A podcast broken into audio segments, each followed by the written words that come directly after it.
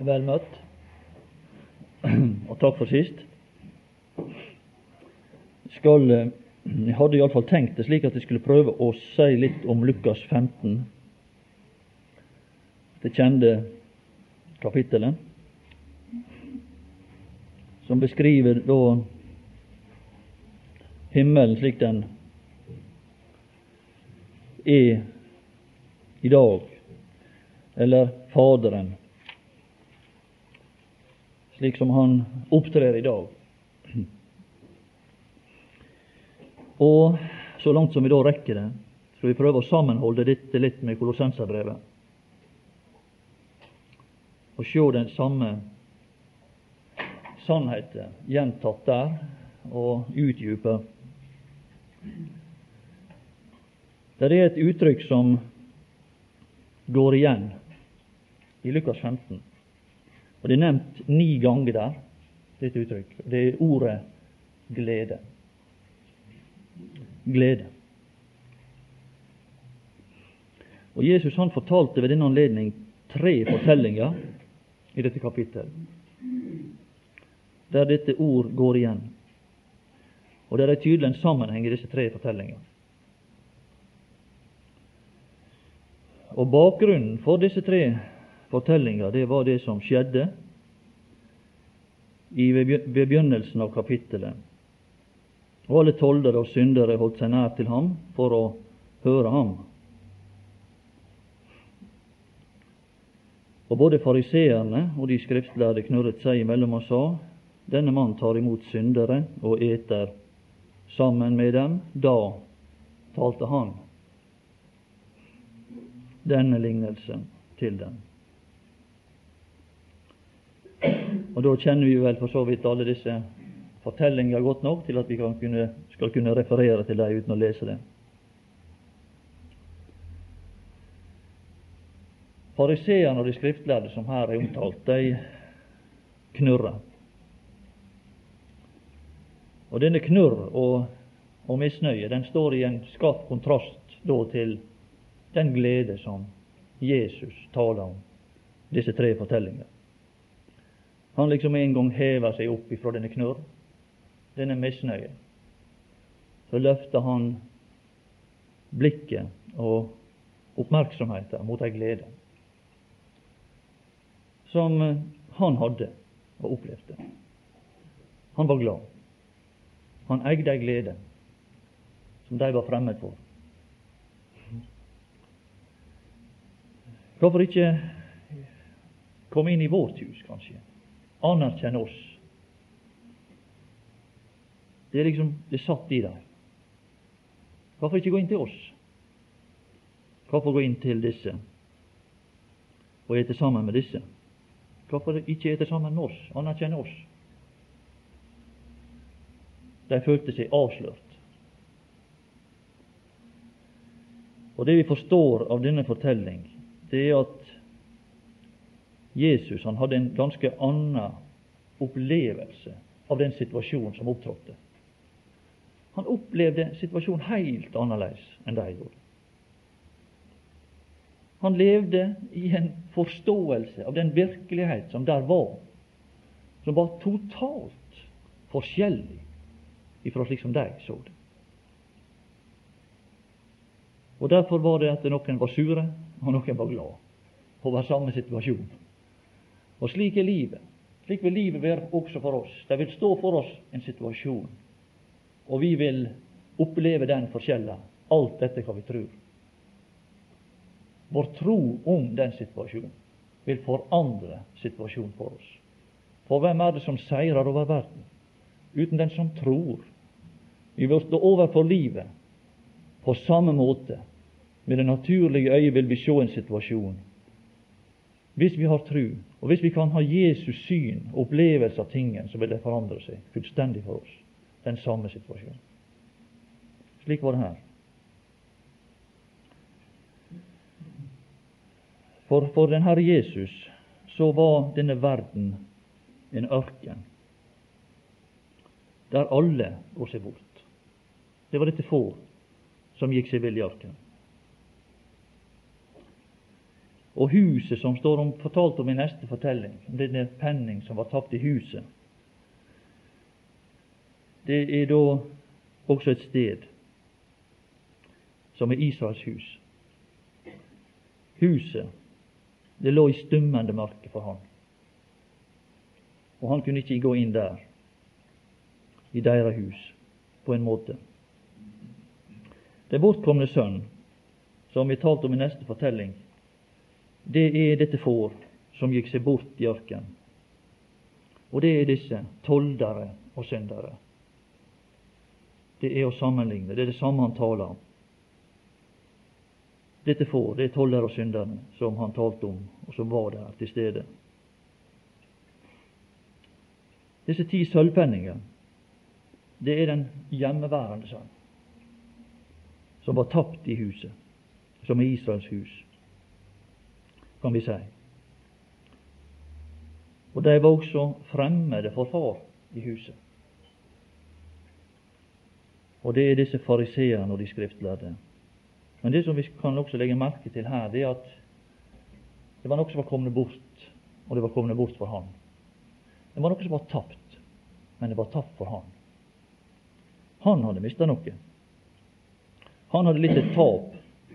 Han hadde mistet fåret og han har mista penningen, og han hadde mista denne sønnen. Og Det minner oss bare om denne sannhet, at det er en verdi som er kommet bort for ham. Og du er denne verdi. Den enkelte av oss er denne verdi som er kommet bort for ham. Han ser en verdi i oss. Han ser en stor verdi i deg. Og Derfor er det at han går ut for å leite etter det han er mist. Og vi skal være klar over det at Satan ikke fått det endelige og avgjørende ord. Guds sønn vil ikke slå seg til ro med at Satan skal stå igjen som den som, som vant kampen. Det kunne se ut som at han hadde endelige seier. Men det er en som går ut for å leite. Det er en som går ut for å søke det som han er mist, for sin egen del, for sitt eget hjertes skyld. For sin egen tilfredsstillelses skyld så vil han finne meg og deg. Ikke først og fremst, kanskje, av hensyn til deg, men først og fremst det er noe som han er mist. Han er litt et alvorlig tap. Du som er dyrebar i hans øyne, i ferd med å glippe ut av hans hånd. Ting som han hadde tenkt å ha for seg i den evige verden. Du er en slik dyrebar gjenstand som ligger på hans hjerte, som var, noe som var for han, og som han lir et alvorlig tap ved at du glipper ut av hans kontroll. Det er det som er grunnen til denne aksjonen. Det er det som er grunnen til denne leiting. Og det er det som er grunnen til denne glede som han har ei usigelig og, og djupt følt himmelsk glede når han får tak i ting som er verdifulle for han. Det er hans glede. Og når han har fått ei glede, så kan du bli glad. Så, så lukker han det inn i denne glede. Han lukker det inn i denne himmelske, denne djupt følte glede som han er i stand til å føle. Og det er det, venner. En liten skygge, en liten dråpe, en liten opplevelse av denne himmelske glede burde komme nedover oss i denne forsamling her i kveld. Og innta vårt hjerte og følge oss gjennom for en eneste dag, og iallfall når vi er samla til møte i menigheten, så var det at Han skulle komme inn og tale denne glede inn i vårt hjerte og fylle dette hus med glede og fylle for sitt eneste hjerte med ei djupfølt himmelsk glede som ingenting kan erstatte, som ingenting kan etterligne, fordi det er ei glede som er skapt i himmelen hos Han som skapte gleden, som uttenkte gleden, og som ga oss mennesker evne til å føle og oppleve glede. Sjøl nå etter at vi er falt, så forstår vi litt av hva glede er for noe. Men hos Han er den, den pure glede, den virkelige glede som er talt om her i denne fortelling, der er glede i himmelen. Det er det det dreier seg om. Og det er den himmelske glede som er tilbudt menigheten. Og all annen glede burde være bannlyst fra menigheten. Og Vi burde si når vi later igjen døra til vår forsamling, så sier vi det. Herre Jesus, vi har glede i denne verden, men ingenting kan erstatte den glede som du kan gi. La oss få lukke all annen glede ute. Kom inn og fyll dette hus med de glede. Det, var det, det, var, det vårt privilegium som troende. Og La oss ikke si det og se utover og si det å, la vi få inn mest mulig av det som verden gleder seg over. Fordi det kan ikke erstatte hans glede. Han trenger ikke se på oss. Han trenger seg ikke på oss. Han sier det vel, vel, kan du greie det uten meg, så skal jeg tre tilbake. Men den som søker meg, han skal finne meg. Og den som søker mine glede, han skal også finne mine gleder. Det er sannheten.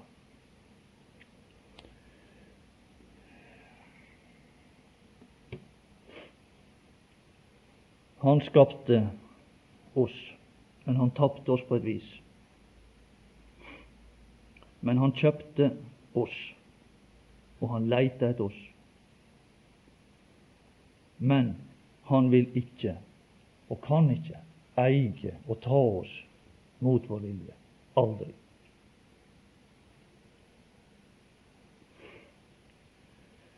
Det som jeg på en måte synes det inntrykket når jeg leser dette Lukas 15, det er at, at Jesus her på en måte ikke lenger greier å holde inne med en del ting. Det er ting som kommer fram her, som det er på en måte slik som Per Borten på flyet til København, at han, han forsnakker seg. Det er noe som heter lekkasje. Og eh, det er like styrte lekkasjer somme tider, og andre tider så så er det forsnakkelse. Og her er liksom som en forsnakkelse. Og, og det var akkurat det. Når han skulle snakke med fariseeren, så sa han det For der er glede i himmelen.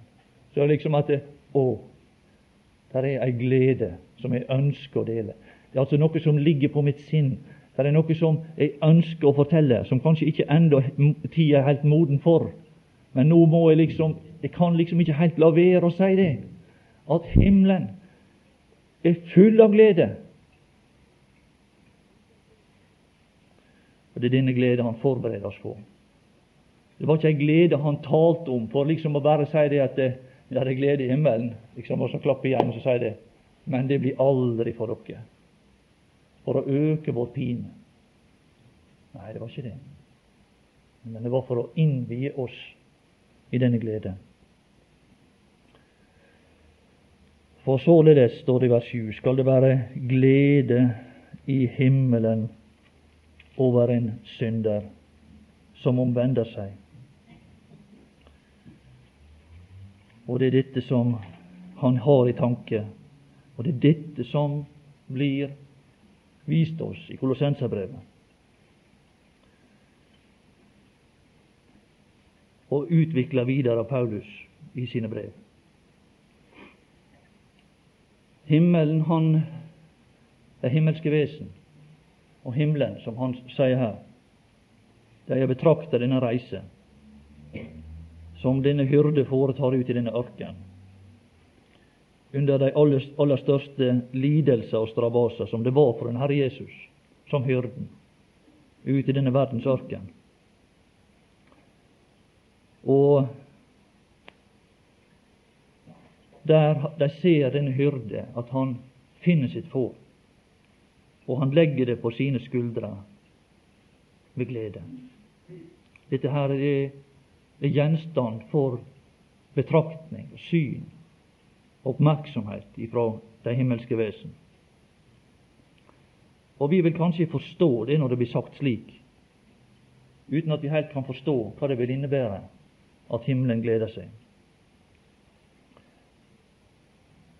Men det som kanskje er litt mer vanskelig for meg å begripe når jeg leser dette her, det er dette uttrykk der det står det om denne glede.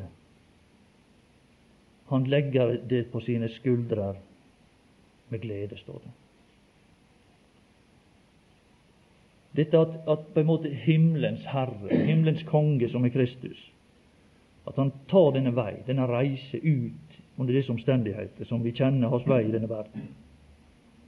Der han på en måte fører den himmelske glede ifra himmelen og, og ut i ørken, og der han bøyer seg over denne synder, dette får, og så står det at han legger det på sine skuldre med glede.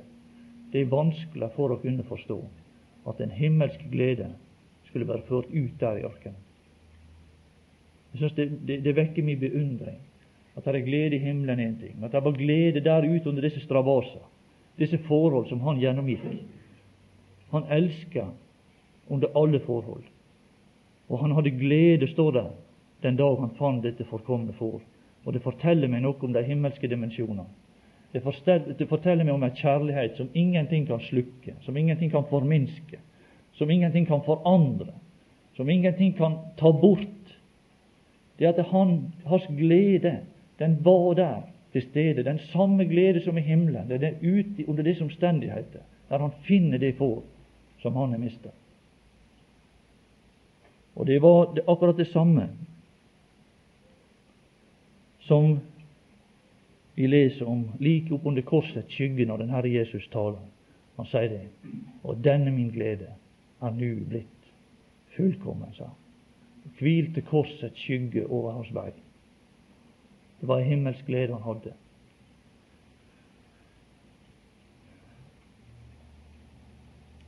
I den andre fortelling så er han denne kvinne som vi las om, eller som vi ikke leste om, men som dere kjenner til. Denne kvinne som mister denne sølvpenningen. Eller hvilken kvinne? I vers 8. Som har ti sølvpenninger og mister en av dem. Tenner ikke et lys og feier sitt hus og leter med flid til hun finner den. Og når hun har funnet den, kaller hun sine venner, venninner og grannekvinner sammen og sier:" Gled eder med meg, for jeg har funnet sølvpenningen som jeg hadde mistet. Således, sier jeg, der blir det glede for Guds engler over en synder som omvender seg. Og I denne fortelling så er det også han som leiter. Det er også han. Han er denne kvinnen som tenner til lys. Men det er ikke bare at han, han tenner til lys, han er det til lys. Det er han som er lyset. Han er det sanne lys, som opplyser ethvert menneske. Og det er ikke bare det, men det står om han. Han er menneskenes lys. Tenk det. Han er menneskenes lys. Han var Guds lys. Han er universets lys, men han ble menneskenes lys. Der fins det et naturlig lys for det fysiske og det naturlige liv, som er denne sol som vi kjenner til. Men der fins et Altså, denne, denne sol den kan ikke opplyse mitt innvortes menneske. Jeg kan ikke avsløre mitt innvortes menneske og fortelle hva som bor der inne. Jeg kan ikke ved det lys se hva det er min moralske tilstand egentlig er. Jeg kan ikke avlese den ved det lys. Men der finnes et, der finnes et annet lys. Der finnes et lys som kan, som, ved hvilket jeg kan avlese min moralske tilstand. Og det er stilt over for det sanne lys, den Herre Jesus. Så kan, som kan jeg avlese, og Han kan avlese, min moralske tilstand. Hvordan det står til. Hva er situasjonen? Og disse moralske kvaliteter, de strålte fram ifra alt hans verk og ifra all hans gjerning. Så strålte som, et, som ei kraft, som et lys, som en energi ut ifra han i alt han gjorde, de kvaliteter som var i han. Men det avslørte fullstendig hans omgivelser. Hvordan målt med dette lys, og i hans lys, hva som var der. Det legger ethvert menneskes indre liv i fullstendig, fullstendig fram i lyset, og vi kan bli sett, og vi kan bli funnet. Han tente et lys. Vi kan bli sett, og vi kan bli funnet, og vi kan også søke. Men framfor alt så kan Han søke oss. men det var sannelig mørkt i disse fariseere sitt hus. Men så ble han lyset i dette hus. Og de ble urolige over det de så. De ble urolige over det synet de så. Det uroa dem at det, det er slik med vårt hus også, at når vi, vi ser skiten, da blir vi urolige. Da setter det oss i aktivitet.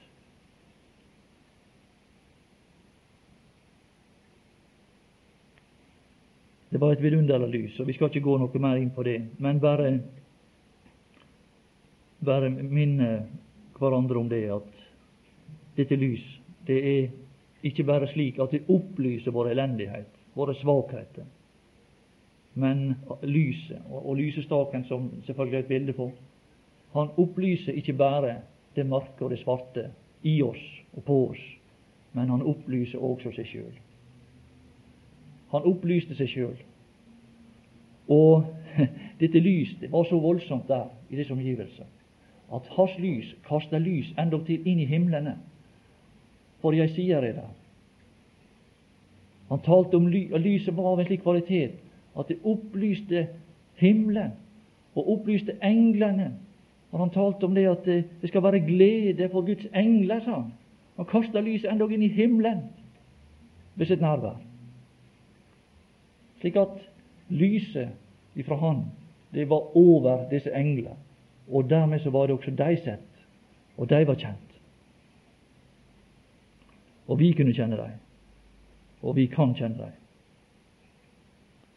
For således sier jeg, skal det være glede for Guds engler over en synder som omvender seg.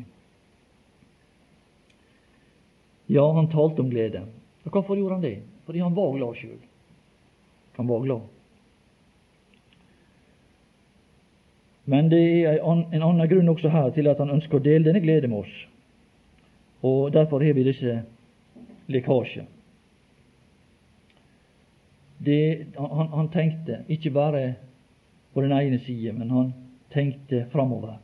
Han tenkte på den dag som vi kanskje også nevnte her, at han skulle kunne innvie oss i denne glede. Først sier han det at det, mi gjerning, den fyller himmelen med glede. Og så sier han det min gjerning den fyller også himmelen, eh, englene med glede. Og så hadde han også tenkt at du og jeg skulle bli glad. Og det er det som denne tredje fortelling innvier oss i. At vi skulle kunne begynne å dele denne glede. Og det står i denne lille fortelling at de begynte å være glade. Det står aldri om noe som slutter. Denne fortelling tar ikke noe med noen setning om at det var en fest som begynte, og det var en fest som slutta. Men det står om at de begynte, for aldri å slutte. Det er begynnelsen til gleden, som aldri tar slutt. De begynte å være glade. Og vi veit at Gud han har alltid vært glad. Og spørsmålet om du er her, er her som kanskje ikke er fremmed for disse ting, skal du liksom slutte deg til hans glede? Skal du, skal du liksom komme inn under hans glede. Komme inn i den verden. Komme inn i den atmosfære der gleden befinner seg.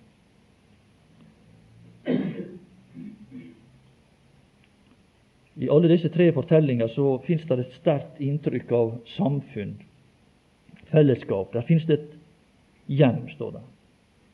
Og når han kommer hjem Det er et hjem for hyrden der han samler. Han kaller sine venner sammen.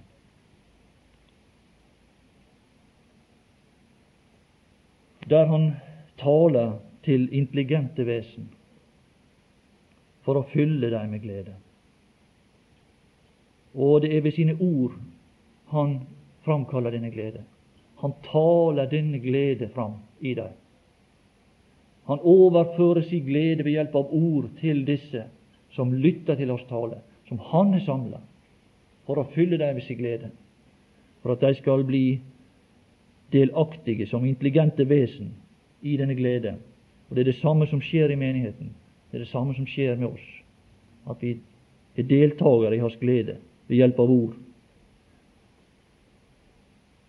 Og han sier, står der til dem, gled eder med meg. Og han kaller ved sine ord fram denne glede i den forsamling som der er omtalt. Og Det samme ser vi i, i vers 9. Der er en ny forsamling, og det samme skjer. Han kaller også gleden fram der, ved denne pengen som ble funnet. Og Det samme ser vi også i vers 9.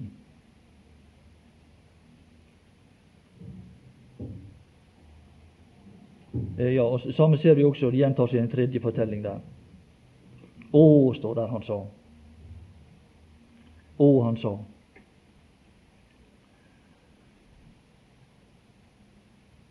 Han samla oss.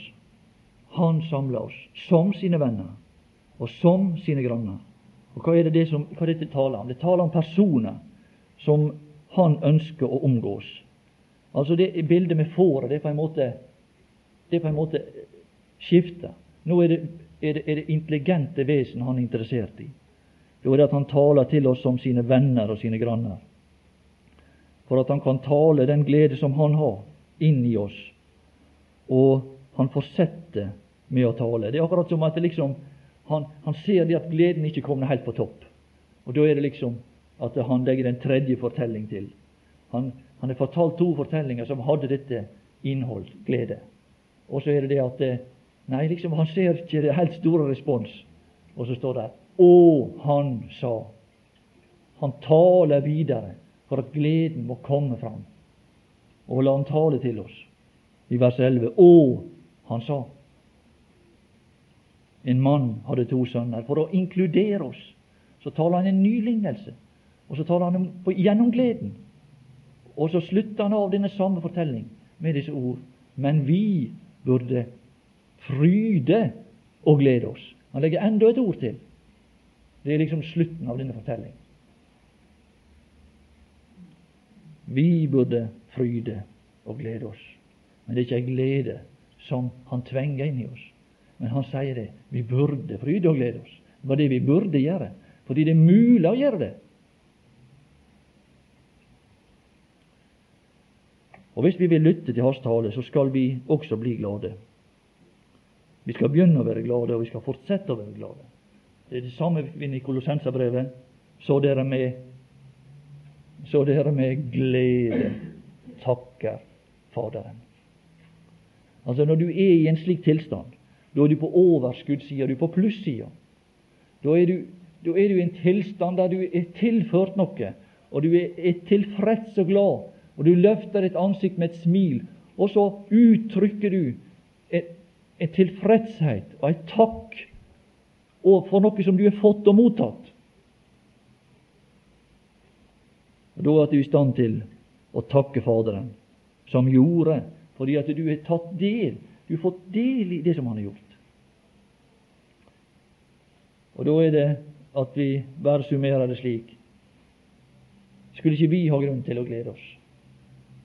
når himmelen gleder seg, og englene gleder seg, enda på våre vegne. Men det er vi som er tapt, og det er vi som er grunnen til å være mest glad.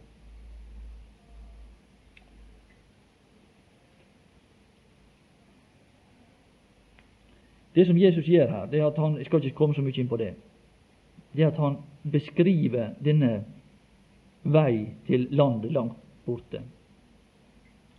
Og det er iallfall slik når det er Jesus tegner og forteller, så, så mister vi lysta til å være med på den festen som han kom der han ble så veldig glede av. Vi liksom føler at vi forsvinner bort i, et hjørne og vil kun bare betrakte det hele. Når Jesus forteller, når Han kaster lys, når lyset kaster sitt lys over disse ting, da er det at vi ikke har lyst til å delta i denne fest som denne sønn bortkomne sønn hadde. Og vi liksom opplever ved Den hellige ånds hjelp hvor langt borte dette land er. Han dro til et land. Han, det står ikke bare at han dro til et land, men han dro til et land langt borte, lar Den hellige ånd oss forstå. Altså, det, det, det fører oss på avveie totalt bort ifra Faderhuset. Og det som jeg tror den Herre Jesus har i tanke her, og som vi også ser det samme i Kolossenserbrevet, det er å på en måte la oss få et inntrykk av i vår sjel og i vårt innerste vesen for en avstand der er, moralsk sett, ifra Faderhuset, ifra Guds verden, og ut til den situasjonen der mennesket roter seg bort. Altså Vi trenger å få et inntrykk i vårt innerste vesen av hvor langt bort vi er kommet. Hvorfor? Fordi at vi skal kunne nyte gleden. For at vi virkelig skal bli glad. For at vi skal virkelig forstå frelsens innhold. Og kunne glede oss med ei sann og ekte glede. Hvor langt dette land, egentlig er vekk fra Faderhuset. Og, og hvor glad far er over å få oss hjem. At han har berga oss fra denne ulykke som er så langt borte slik at vi kan begynne å glede oss, slik som han gleder seg. Og vi skal komme til det, at det er en ganske annen forståelse hos far enn hos sønnen når så langt kjem. Det var bakgrunnen for gleden. Det står det han sendte ham han sendte ham ut, står det, på sine marker. Og Dette står i en slående kontrast til Faderhuset og til Faderen. Det står ikke om at han sendte ham ut, men han sendte ham inn. Det var det han gjorde. Når Faderen fikk tak i ham, så sendte han ham inn i huset. Men når han var i en annen situasjon, så ble han sendt ut. Ut på sine marker for å gi dette svin. Han sender han inn, inn til seg sjøl, inn i det som han sjøl har lyst til å, til det stedet han sjøl har lyst til å være. Denne fortellinga er ikke bare en fortelling fra den gamle fra den gamle bok som skal liksom bare være en fortelling for oss, men det skal være ei framstilling som skulle lære oss hvordan Gud handler med oss nå. Og er det flere forhold her som vi kunne nevne, men vi skal konsentrere oss om to ting, om to forhold. Og vi skal konsentrere oss om Faderens tjenere.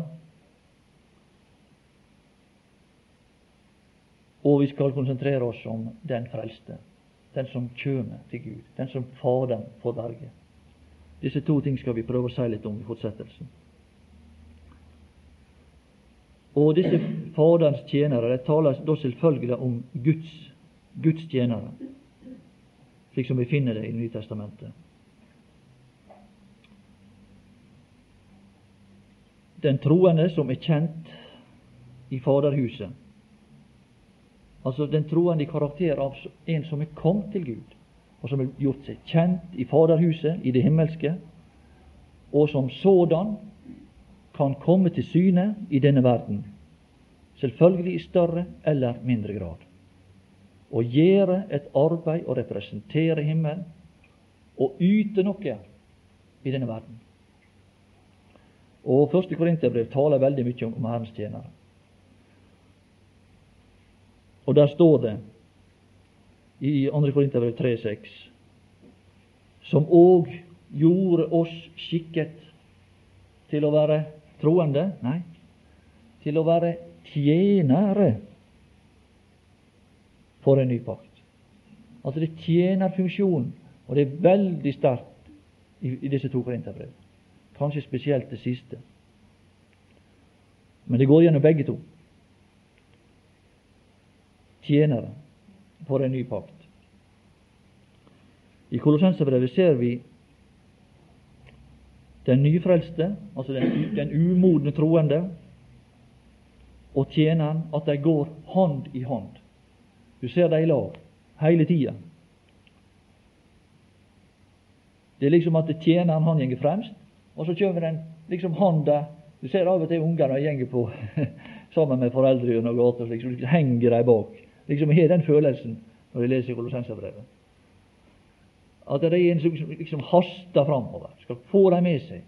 Og så henger liksom den umodne etter, fordi han ikke er i stand til å, å ha den samme begrep om tingene som den som går foran, tjeneren. Og dette er et, et interessant trekk å legge merke til. Og de er på vei, på vei mot Faderhuset, og på vei mot gleden der. Og Det som vi finner når vi leser f.eks. Kolossenserbrevet, det er det at, at tjeneren han er glad. Han er glad. Nå gleder jeg meg over mine lidelser, sier den glade tjener i Kolossenserbrevet 1. Nå gleder jeg meg. Han var her nede, og han sleit og arbeidet for å få de andre fram til gleden. Men sjøl var han glad. Han hadde vært i farerhuset, han var kjent i farerhuset. Han, han, det var det som gjorde at han kunne arbeide. Nå gleder jeg meg, sa Paulus. Han var en Herrens tjener. Den troende som vi ser, han er på vei mot gleden. Men det er store vanskeligheter som, som ligger i veien, som stenger vår vei og vil hindre oss i å komme inn til den glede som er i Faderhuset.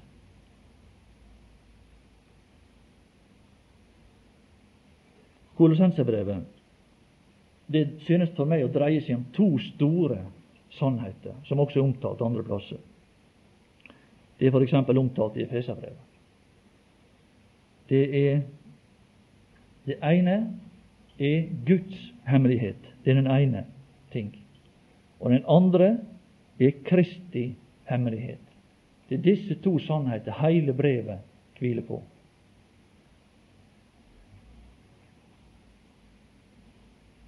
Den frelste han blir presentert for Guds hemmelighet,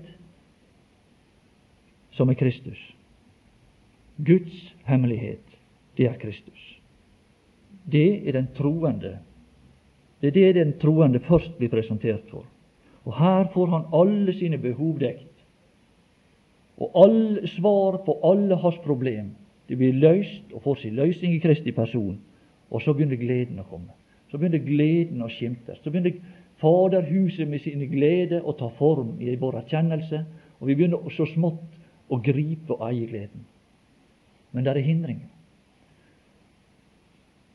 Tjeneren han er en person som er i stand til å gå videre. Han er et langt større og fyldigere begrep om virkeligheten. Han, denne, denne, personen, en, en guddommelig tjener, han står fri i sin samvittighet. Han er ferdig så vel med sitt gode jeg som med sitt dårlige jeg, som vi sliter med. Og han er en person som ikke lenger lever i verden, egentlig.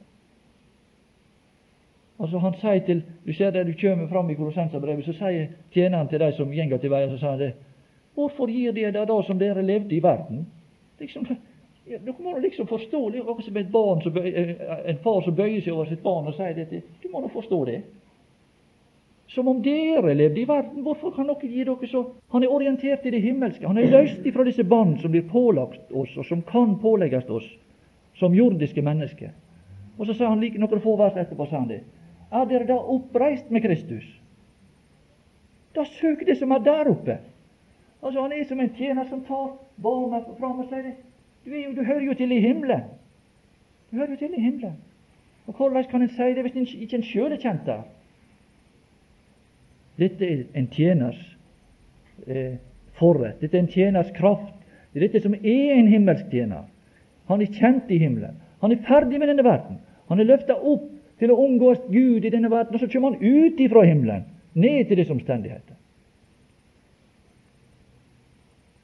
Det ser vi lenger ute i denne fortellingen også. Han spurte, han kalte da en av tjenerne til seg og spurte hva det var. Hva dette var. Ja, han kom ut etter. Kom ut etter fra huset. Så spurte han hva dette er for noe. Her hørte spill og dans. Ja, Så var det en som var i stand til å gå ut og fortelle hva det var for noe. Fortelle han hva det var for noe.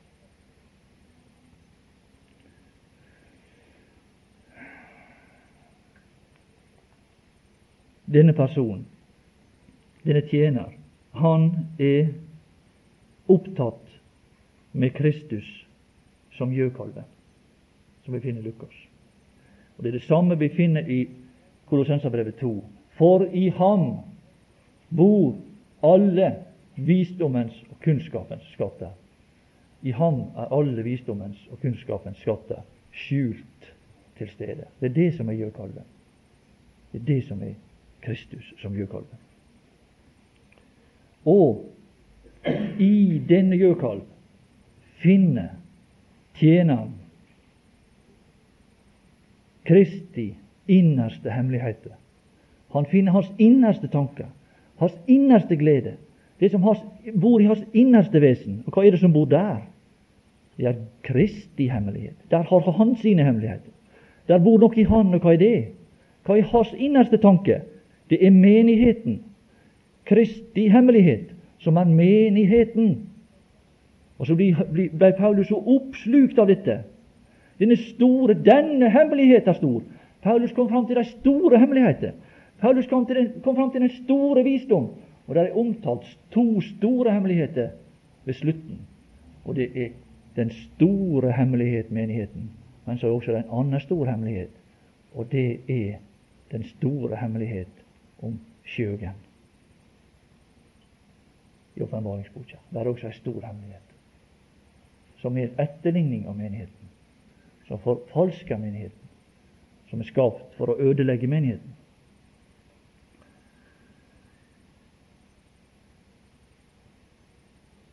Hans legeme som er menigheten. Og Det er det som er den andre store hemmelighet som vi møter i Kolossenserbrevet. Ja, vi møter to sentrale personer i dette Kolossenserbrevet. Vi møter Epafras, Epafras, og vi møter Paulus. For det er også andre Herrens tjenere som er nevnt her. Og deres eneste tanke det var Kristi tanke. Og Hans tanke det var å streve, å arbeide og lide for den enkelte troende og for menigheten. Og vi leste et uttrykk i Kolossenserbrevet Jeg skal bare slutte med det, kanskje. I Kolossenserbrevet 2 Nei, Kolossenserbrevet 1, 1.24. Nu gleder Herre tjeneren, Herre tjenerens glede. Nu gleder jeg meg over mine lidelser, forræder og utfyller i mitt kjøtt det som ennå fattes i Kristi trengsler for Hans legeme, som er menigheten. Altså Han var slik inntatt og slik opptatt med Kristi innerste tanke at han han, han fikk den samme lyst, han fikk den samme lengsel, han fikk den samme glede, han fikk den samme innstilling. Og han bødde sin rygg, og han brukte alle sine krefter for å ta seg av det som Kristus var interessert i, denne verden. Og for å oppbygge de troende og løfte de troende inn i himmelen, for at de skulle komme fram og møte ham der. Det var det som var Paulus hele tanke, som er menigheten hvis tjener jeg er blitt. Etter den Guds husholdning som er gitt iblant dere, vil si å fullføre Guds ord, den hemmelighet. Det er hemmeligheten. Og det står også med rene ord i 4.3 og bed for oss at Gud må opplate oss en dør for ordet, så vi kan forkynne Kristi hemmelighet. Det var det som var lovfars hjerte. Den for vi jeg er i lenker. Tjenerens oppgave den kan på en måte deles i to. Og deres tjeneste den, den er da retta i to retninger. Det er mot den ufrelste, altså verden, og den er også da retta mot den troende. Og I Lukas 15 der ser vi disse to tjenere i begge posisjoner. Og, men jeg tror vi skal bare slutte der. Vi ser dem altså da i Lukas 15 i begge posisjoner. Og de utfører sin tjeneste.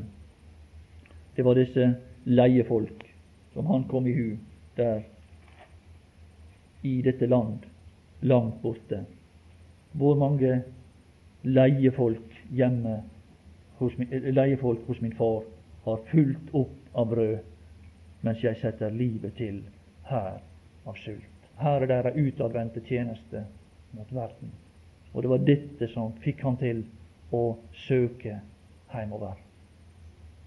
Herre Jesus, vi takker deg for ditt ord. Må du i fortsettelsen samle våre tanker om disse, disse sannheter som, som inntok Paulus, og som skapte Epafras, og som har forandra mange, mange troende mennesker til å bøye sin rygg for å arbeide for din interesse. Det ber vi om i ditt navn.